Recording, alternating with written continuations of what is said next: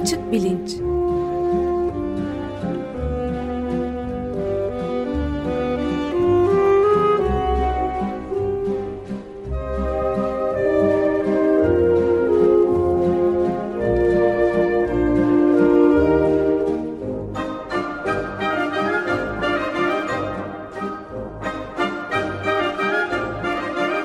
Güven Güzeldere ile bilim ve felsefe sohbetleri. Günaydın Güven Bey, merhabalar. Günaydın Ömer Bey. Bugün e, Can gene ekti bizi. Biz beraberiz ama bir konuğumuz var. Tevfik Uyar. Siz takdim eder misiniz lütfen? Daha önce de gelmişti. Tabii memnun olurum. Tevfik merhaba, hoş geldin. Merhabalar, hoş bulduk. Hoş geldin. Hoş Merhaba. bulduk. E, Tevfik Uyar'ı e, daha önce yaptığımız program, iki programdan hatırlayanlar olacaktır. Birkaç sene önce e, astroloji üzerine bir kitabı çıkmıştı. Astrolojinin bilimle imtihanı, yıldızlar size ne söylemiyor diye. E, astrolojinin niye bir e, sahte bilim olduğunu, e, daha doğrusu bilim olmadığını, nereden çıktığını ve niye bu kadar e, rağbette olduğunu uzun uzun e, tartışmıştık. E, bugün Tevfik Uyar'ı e, yeni kitabını e, tartışmak üzere konuk ediyoruz. E, yeni kitabının başlığı Safsatalar, alt başlığı da gündelik hayatta yapılan yanlış akıl yürütmeleri. E, destek yayınlarından bu sene içinde çıktı. E, güzel bir kitap, güzel olmasının ötesinde Türkiye'de çok önemli bir e, ihtiyacı karşılayan da bir e, kitap. Şimdi içeriğinden e, konuşmaya başladığımızda aslında siz de galiba göreceksiniz. Ben yine de e, kısaca Tevfik Uyar'ı tanıtayım. E, daha önce yaptığımız iki programın ikisinin de e, özetinin ve podcast kaydının bağlantılarını Açık Bilinç sitesinden koydum. E, oradan da ilgilenenler astroloji konusundaki e, programlara e, erişebilirler. E, Doktor Tevfik Uyar çok sayıda e, derecesi olan bir kişi nereden başlamalı? Bir kere iki tane lisans derecesi var. Hem uçak mühendisliğinden mühendis hem Anadolu Üniversitesi'nden e, sosyolog, sosyoloji e, dereceleri var. Daha sonra da yüksek lisans ve doktora derecelerini İstanbul Kültür Üniversitesi'nde işletme yönetimi e, dalında yapmıştı. Çalıştığı alanda aslında bütün bunların e, bir araya geldiği bir alan. Risk algısı, belirsizlik altında karar verme ve emniyet yönetimi e, üzerine e, çeşitli şirketlerde kalite ve emniyet yönetimi danışmanlığı yapmakta. Fakat e, zamanının büyük bir e, bölümünü de e, bilimin yaygınlaşması, popülerleşmesi ve işte çakma bilimlerle e, mücadeleye e, ayırıyor Tevfik. E, açık bilim sitesinden daha önce bahsetmiştik. Bu sitenin e, kurucu editörlerinden e, aynı zamanda yazarlarından 2013-2011-2013 yılları arasında Açık Bilim'in bir radyo programında olmuştu. E, radyo programında yapımcısı ve sunucusuydu Tevfik. E, hali hazırda Herkese Bilim Teknoloji dergisinde yayın kurulu üyesi, köşe yazarlığı da yapıyor. İstanbul Kültür Üniversitesi'nde de hem havacılık hem insan davranışları üzerine dersler veriyor.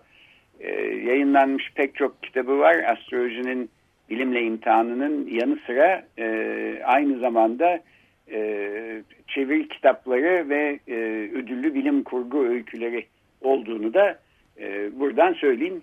O, Tevfik yeniden hoş geldin. Şimdi istersen bu safsatalar nedir bu konuya girelim.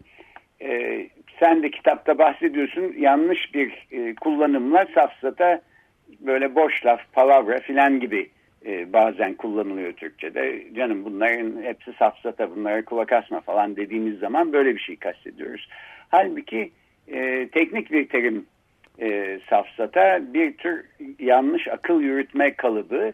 Sen de bu kalıplardan e, 40 tanesini seçmişsin. Bunlardan e, 36 tanesi işte literatürde bilinen tanınan e, türde ve genellikle Latince isimleriyle bilinen e, akıl yürütme yanlışları.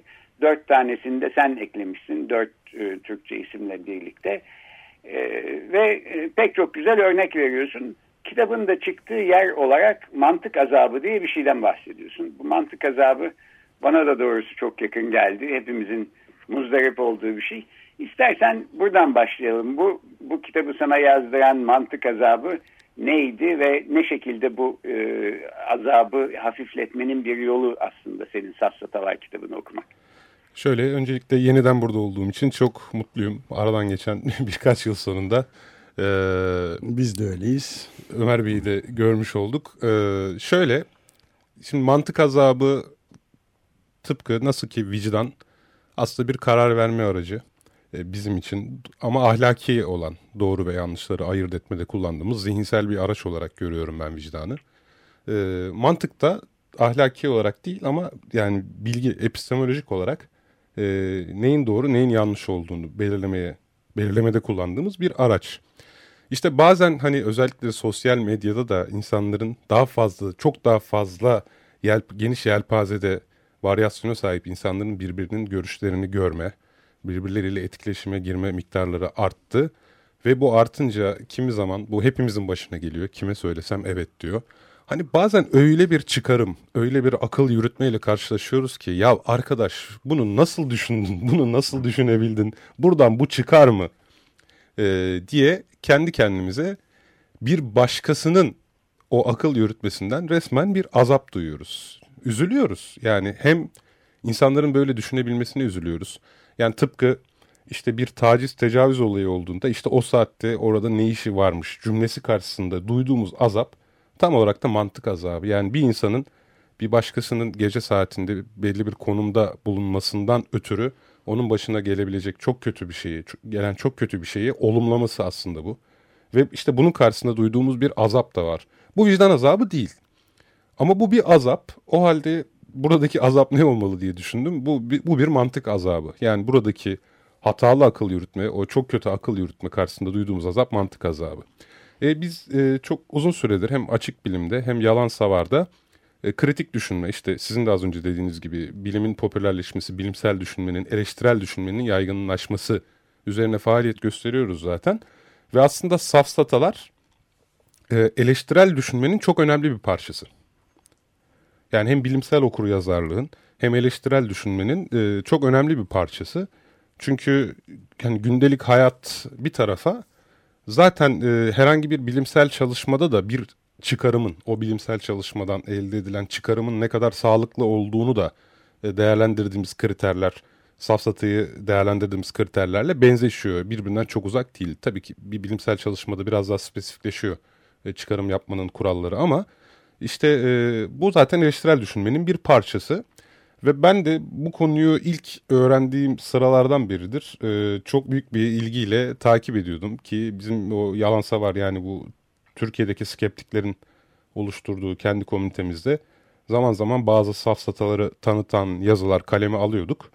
Ve işte bir ara kolları sıvadım ya dedim bu mantık azabını artık bir çözüm bulmak lazım. Çünkü bazı azapları isimlendirdiğimiz zaman sanki bana biraz belirsizlik düzeyini ortadan kaldırdığı için e, o şey karşısında daha rahat hissettiğimizi düşündüğümden dolayı dedim ki ben bunları biraz tanıtayım bir araya toplayayım. Bir de şu var dünyadaki bütün safsata kitapları yani çok pek çok kaynağı inceleme fırsatı buldum.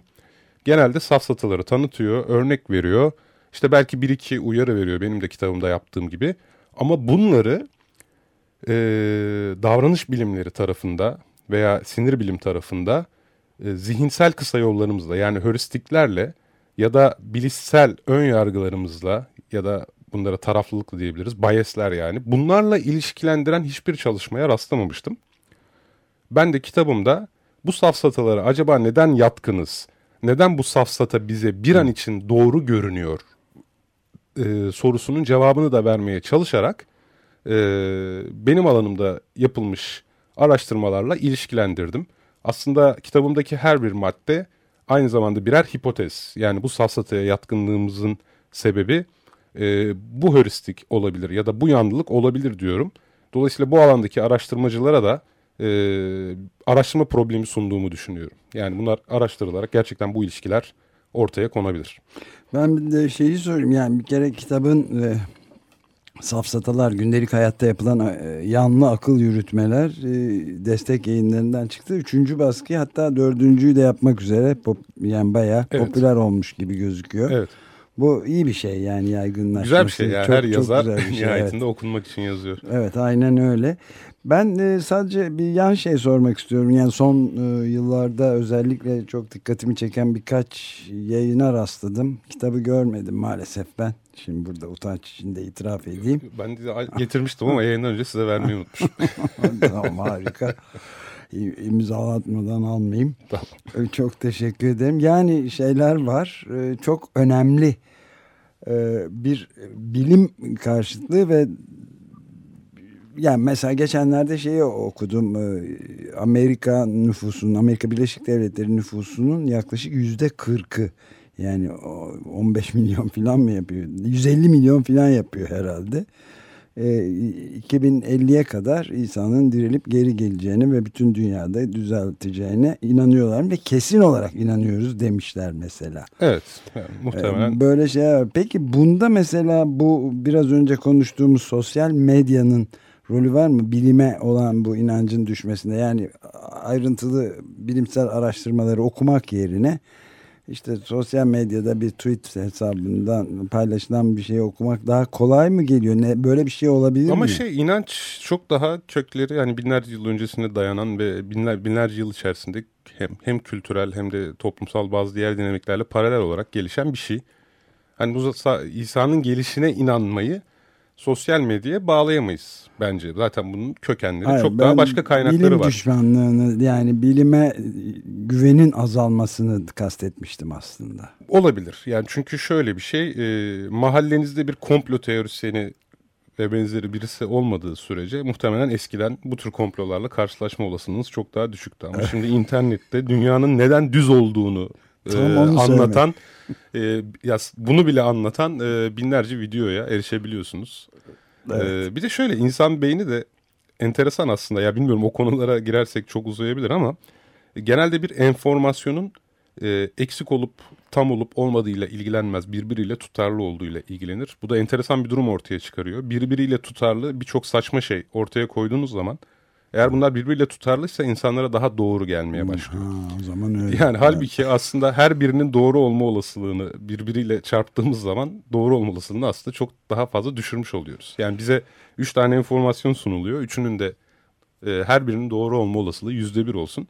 Aslında çarptığımız zaman burada işte bir milyonda bir gibi bir olasılık ortaya çıkmasına rağmen insan zihni o bilgiler birbiriyle tutarlıysa bilgiyi daha doğru algılıyor. Hatırlarsınız böyle çok saçma şeyler vardı o 11 Eylül'den sonra işte Microsoft'un Wingdings yazı tipini açıp o uçuş kodunu yazdığınız zaman iki tane gökdelen çıkıyor e falan. İşte bilgisayarında işte bilmem ne adında klasör açamıyorsun. Ya bunların her birisi o kadar saçma ve tek başına o olayın ispatı evet. olmaya o kadar yetersiz olmasına rağmen yan yana geldikleri zaman e, bir daha güvenilir bir kanıt gibi görünmeye başlıyorlar.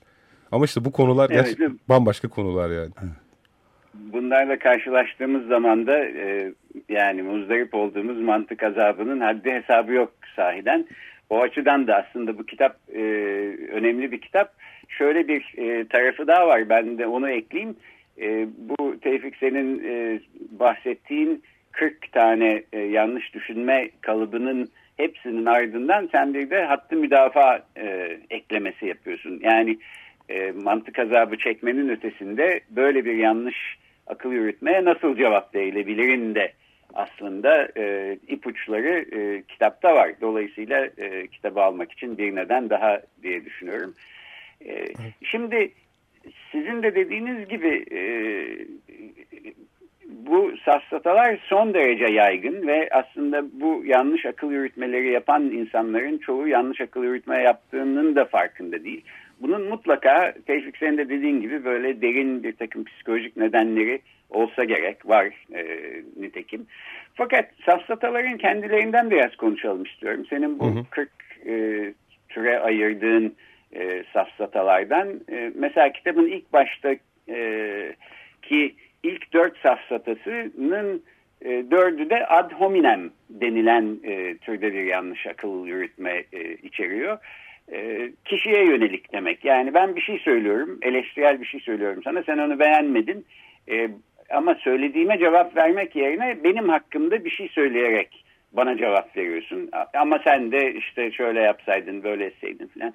Biraz bu e, ad hominem e, akıl yürütmesi çok da aslında sık rastladığımız bir şey. Bir de yani sosyal medyanın belki bir etkisi bu tür mantık azabı insana duyuran e, enstantanelerle çok daha sık karşılaşmamızı sağlıyor. Belki bu da ne bilir.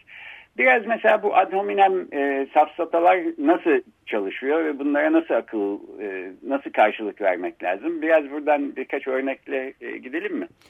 Evet siz çok güzel açıkladınız bu arada, özetlediniz. Yani kişinin argümanına yanıt vermek yerine, ona bir karşı argüman oluşturmak yerine ona hakaret ederek veya onu e, olumsuz, ya bunu genel bir formata dönüştürecek olursak, e, bir kişinin olumsuz bir özelliğe sahip olduğunu ve bu sebeple onun söylediklerine itibar edilemeyeceğini iddia eder atominem safsataları. E, uzun yıllar adam karalama safsatası olarak çevrilmiştir ama bugün artık hani daha politik doğrucu bir kelime olarak insan karalama safsatası olarak değerlendirebiliriz.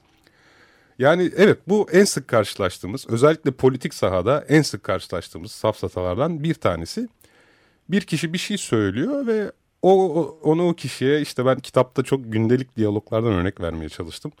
İşte e, mesela işte e, birisi bir, konu, bir konuda tavsiye verince ya sen önce üstüne başına bak kardeşim sen veya bu her kesimde var bu arada. Mesela meşhur bir amca vardı hatırlar mısınız? Layıklık elden gidiye falan diye böyle bir e, internette de çok parodi olmuştu. Mesela orada bir tane hanımefendi gelip sen önce dişlerini fırçala diyordu. Mesela bu da bir bu da bir e, etominem safsatası. Yani bir kişi bir iddiayı dile getirdiği zaman ya senin şöyle bir kötü özelliğin var o zaman senin bu iddian doğru olamaz diyoruz. Halbuki o kötü özellikle iddia arasında bir ilişki yok. İşte e, birisi bir şey deyince ya bırak o deliği dediğiniz zaman yani deliler hiç mi doğru söyleyemez, hiç mi haklılık payı olamaz? Veya bir kişinin söylediklerini dikkate almamamızın yegane sebebi o kişinin kötü giyinmesi, hayatta başka alanda başarısız olması vesaire olabilir mi? E, ilginç yanı bu etkilidir ama. Yani çünkü biz insanlar olarak e, bir kişideki olumsuz bir özelliği o kişide genelleştirme eğilimine sahibiz. Buna e, devil effect diyoruz e, şeytan etkisi diyoruz. Şeytan yani etkisi. E, gerçekten de bilirsiniz bu hayatta iş görüşmesine çok iyi giyinerek gitmek zorundasınızdır. Ya da dolandırıcılar gerçekten dolandırabilmek için birilerini çok iyi giyinirler. Çünkü insanlar örnek veriyorum e, bir kişinin görünümüyle onun ne kadar dürüst olabileceğini birbiriyle ilişkilendirirler. Halbuki alakası yok. Yani bir kişinin ne giydiğiyle bir kişinin söylediklerinde ne kadar dürüst olma ne kadar dürüst olduğunun olasılığı arasında hiçbir ilişki olmamasına rağmen. Ve çok daha enteresan e, deneyler vardır tarihte bunu gösteren. Hani tersi yönde en azından. E, araştırmacılara üretilmiş sınav kağıtları verilmiş mesela ama bu sınav kağıtları öğrencilerin fotoğrafları iliştirilmiş. Aynı içeriğe sahip olan kağıtlarda güzel ya da yakışıklı öğrencilere araştırmacılar daha yüksek puan vermiş. Yani onların daha doğru söyleyebileceği ya da doğru cevaplar verebileceği e, ne düşünüyor insan zihninde ve bunun farkında değiller tabii ki. Ya bu güzeldir kesin doğru söylemiştir değil olay zaten. İşte evet. insan karalama... Bu... Buyurun. Pardon buyurun. Ya insan karalama safsatası ama çeşitli. Yani bunu sadece hak şimdi en meşhur işte hakaretamiz olan. Ee, yani sen zaten şusun sen ne bilebilirsin ki bu konuda formundaki. Ama Türkiye'de özellikle benzetmeli adam karalama dediğimiz, benzetmeli insan karalama dediğimiz bir safsata da var. Sen şunların ağzıyla konuşuyorsun. İşte sen bu teröristlerle aynı şeyi söylüyorsun. İşte bakın işte kimler kimlerle kol kola falan gibi.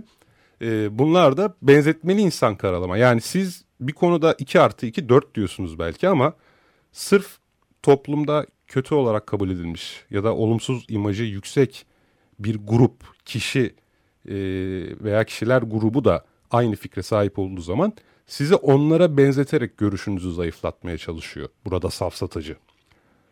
Ee, evet yani ben seni bir konuda eleştiriyorum. Sen o eleştirdiğim konuya cevap vermek yerine diyorsun ki ama mesela sen benim e, rakibim hakkında hiç kötü bir şey söylemedin. Demek ki sen onun yanında yer alıyorsun. Ha evet yani bu, bu da bu en meşhur tükoko dediğimiz belki de hatta tükaka dilimizdeki sen tükaka yapıyorsun dediğimiz Evet, evet burada sen de.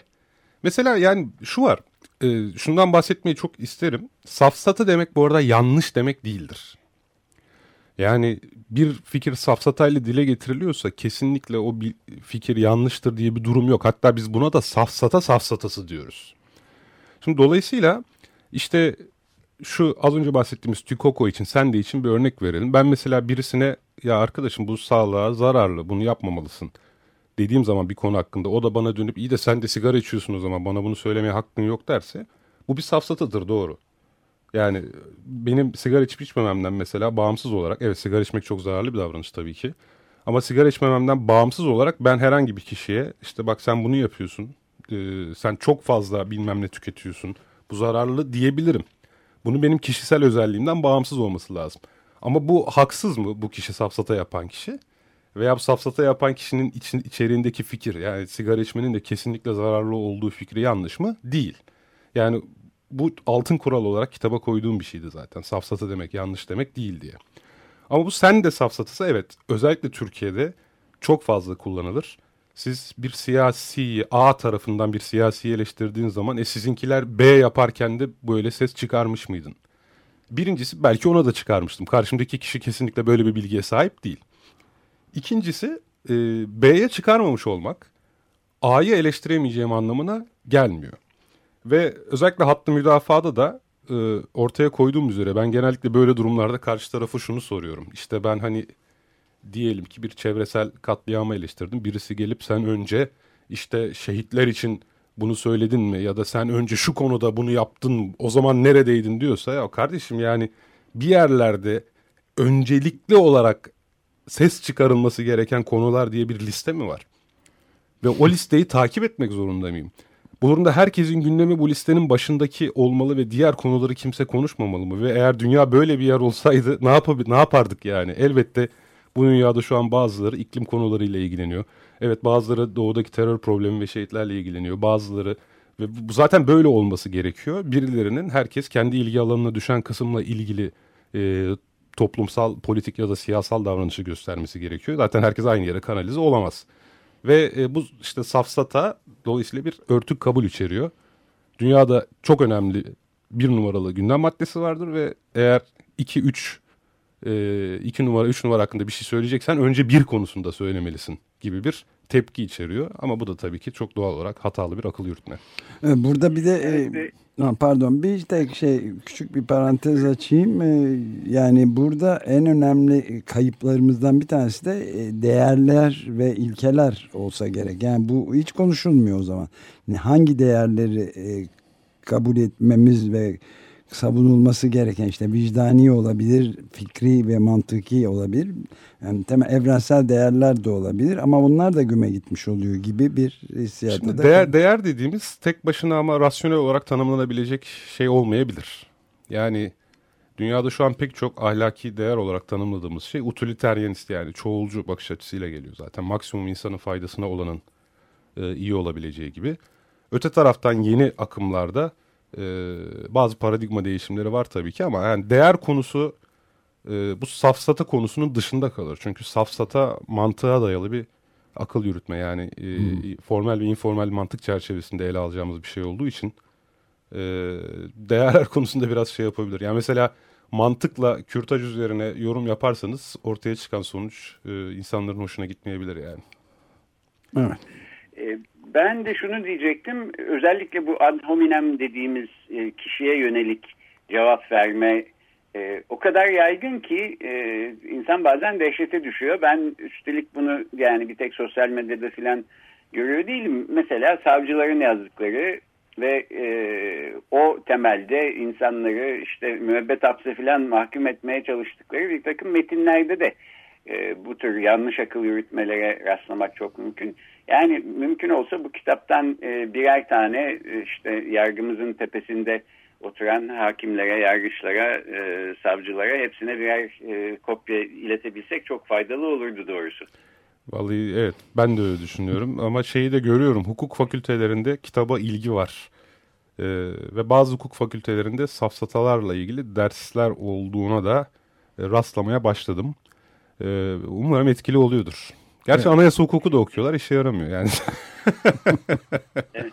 Belki bunu da eklemek lazım. Yani Amerika'daki üniversitelerde en azından e, hemen her öğrencinin almak zorunda olduğu ya bir mantık, formal mantık dersi ya da formal olmayan işte eleştirel akıl yürütme dersi olur. Bu safsatalar e, orada mutlaka gündeme gelir. Türkiye'de de bence üniversitede üniversitede olduğu kadar aslında yani lisede mesela zorunlu bir ders olarak e, bu senin safsatalar kitabın e, okutulsa ve akıl yürütme, eleştirel akıl yürütme e, müfredatın bir parçası olsa bence çok faydası olurdu. E, bir şekilde günün birinde sevdiğimiz, tanıdığımız birisi Milli Eğitim Bakanı olursa bu öneriyi kendisine yapmayı düşünüyorum. Harika olur vallahi, gerçekten. E, Peki o zaman belki e, programın da sonuna doğru getirirken şeyden bahsetsek. Yani şimdi bu 40 safsata içinde işte bu ad hominem safsatalar da var ama başkaları da var. Yani mesela şu ünlü kişi böyle dedi demek ki doğrudur e, düşüncesi. O da bir safsata çünkü yanlış bir şey de söylüyor olabilir. Ya da geleneğimizde bu var dolayısıyla doğrudur. E, o da bir safsata. Ee, senin pek çok güzel Türkçe isimle e, sunduğun bu safsatalar içinde senin en hoşuna giden ya da belki sende en çok mantık azabı yaratan ve dolayısıyla e, bahsetmek isteyeceğin yanlış akıl yürütme biçimi hangisi ya da hangileri? Ben e, tepkisel indirgemecilik ya da çöp adam safsatası ya da işte korkuluk safsatası adı verilen yani üç, bu üçü de aynı safsatanın adı. İngilizcesiyle de Strawman Fallacy. Ee, galiba en çok ondan azap duyuyorum. Yani söylemeye çalıştığınız bir e, konu var ama bu konu öyle bir yere çekilip size o noktadan cevap veriliyor ki böyle apışıp kalıyorsunuz. Ee, bunu nasıl ifade edebilirim bilmiyorum. Mesela bazı diyelim ki bir dini çağrı var ve o gürültü yönetmeliğine çok açık bir şekilde aykırı şekilde icra ediliyor. Ve siz de bundan ya bu, bu niye bu kadar gürültülü? Bunun aslında belediyenin bunu kontrol etmesi gerekmiyor mu dediğiniz zaman sen ne demek istiyorsun? İşte sustur sen işte bunu susturmak mı istiyorsun falan noktasına getirilen e, o şekilde icra edilen tepkisel indirgemecilik bana e, inanılmaz azap veriyor. E, başka ne söyleyebilirim ya da işte e, geçenlerde ben arada, bu arada Twitter'da uyar duyar yasası diye bir şey artık benim adımla anılmaya başlandı. Ee, ben bunu şöyle ifade ediyorum. Herhangi bir konuda dünyada en az bir kişi duyar yapabilecek bir kişi bulabilirsiniz diye ifade ediyorum kaba tabirle bunu.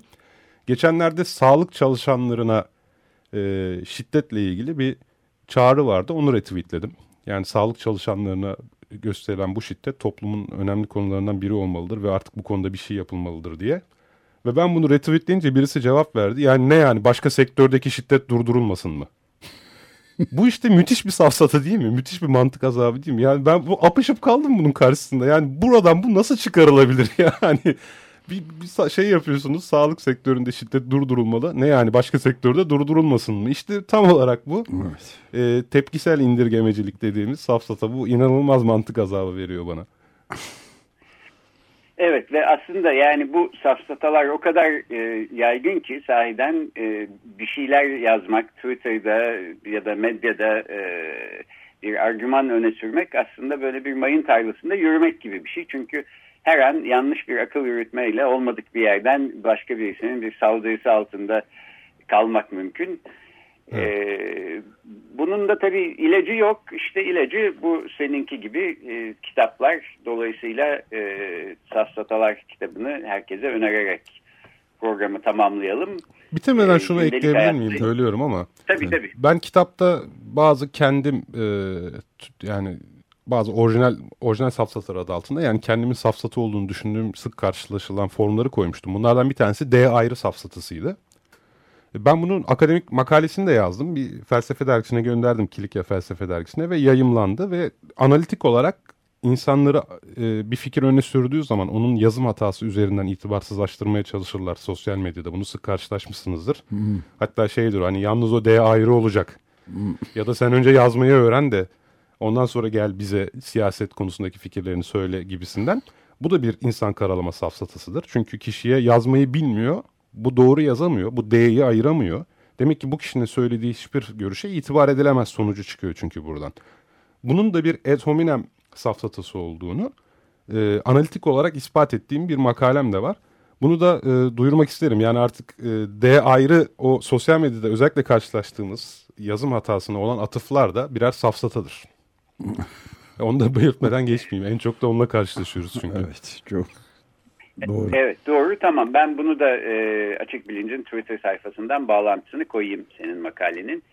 E, bugün safsatalar gündelik hayatta yapılan yanlış akıl yürütmeleri kitabının bu sene çıkmış olan e, bu kitabın yazarı Doktor Tevfik Uyar e, konuğumuzdu.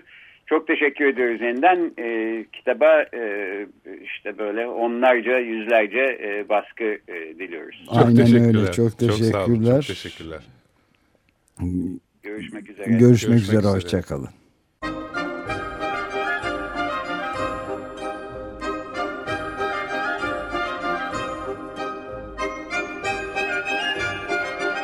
Açık Bilinç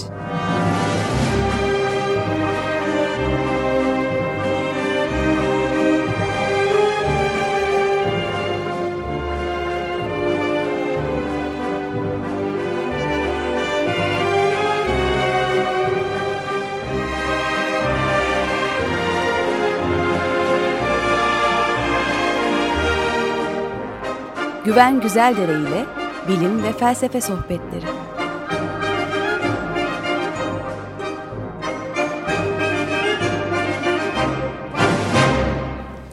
Açık Radyo program destekçisi olun. Bir veya daha fazla programa destek olmak için 212 alan koduyla 343 41 41.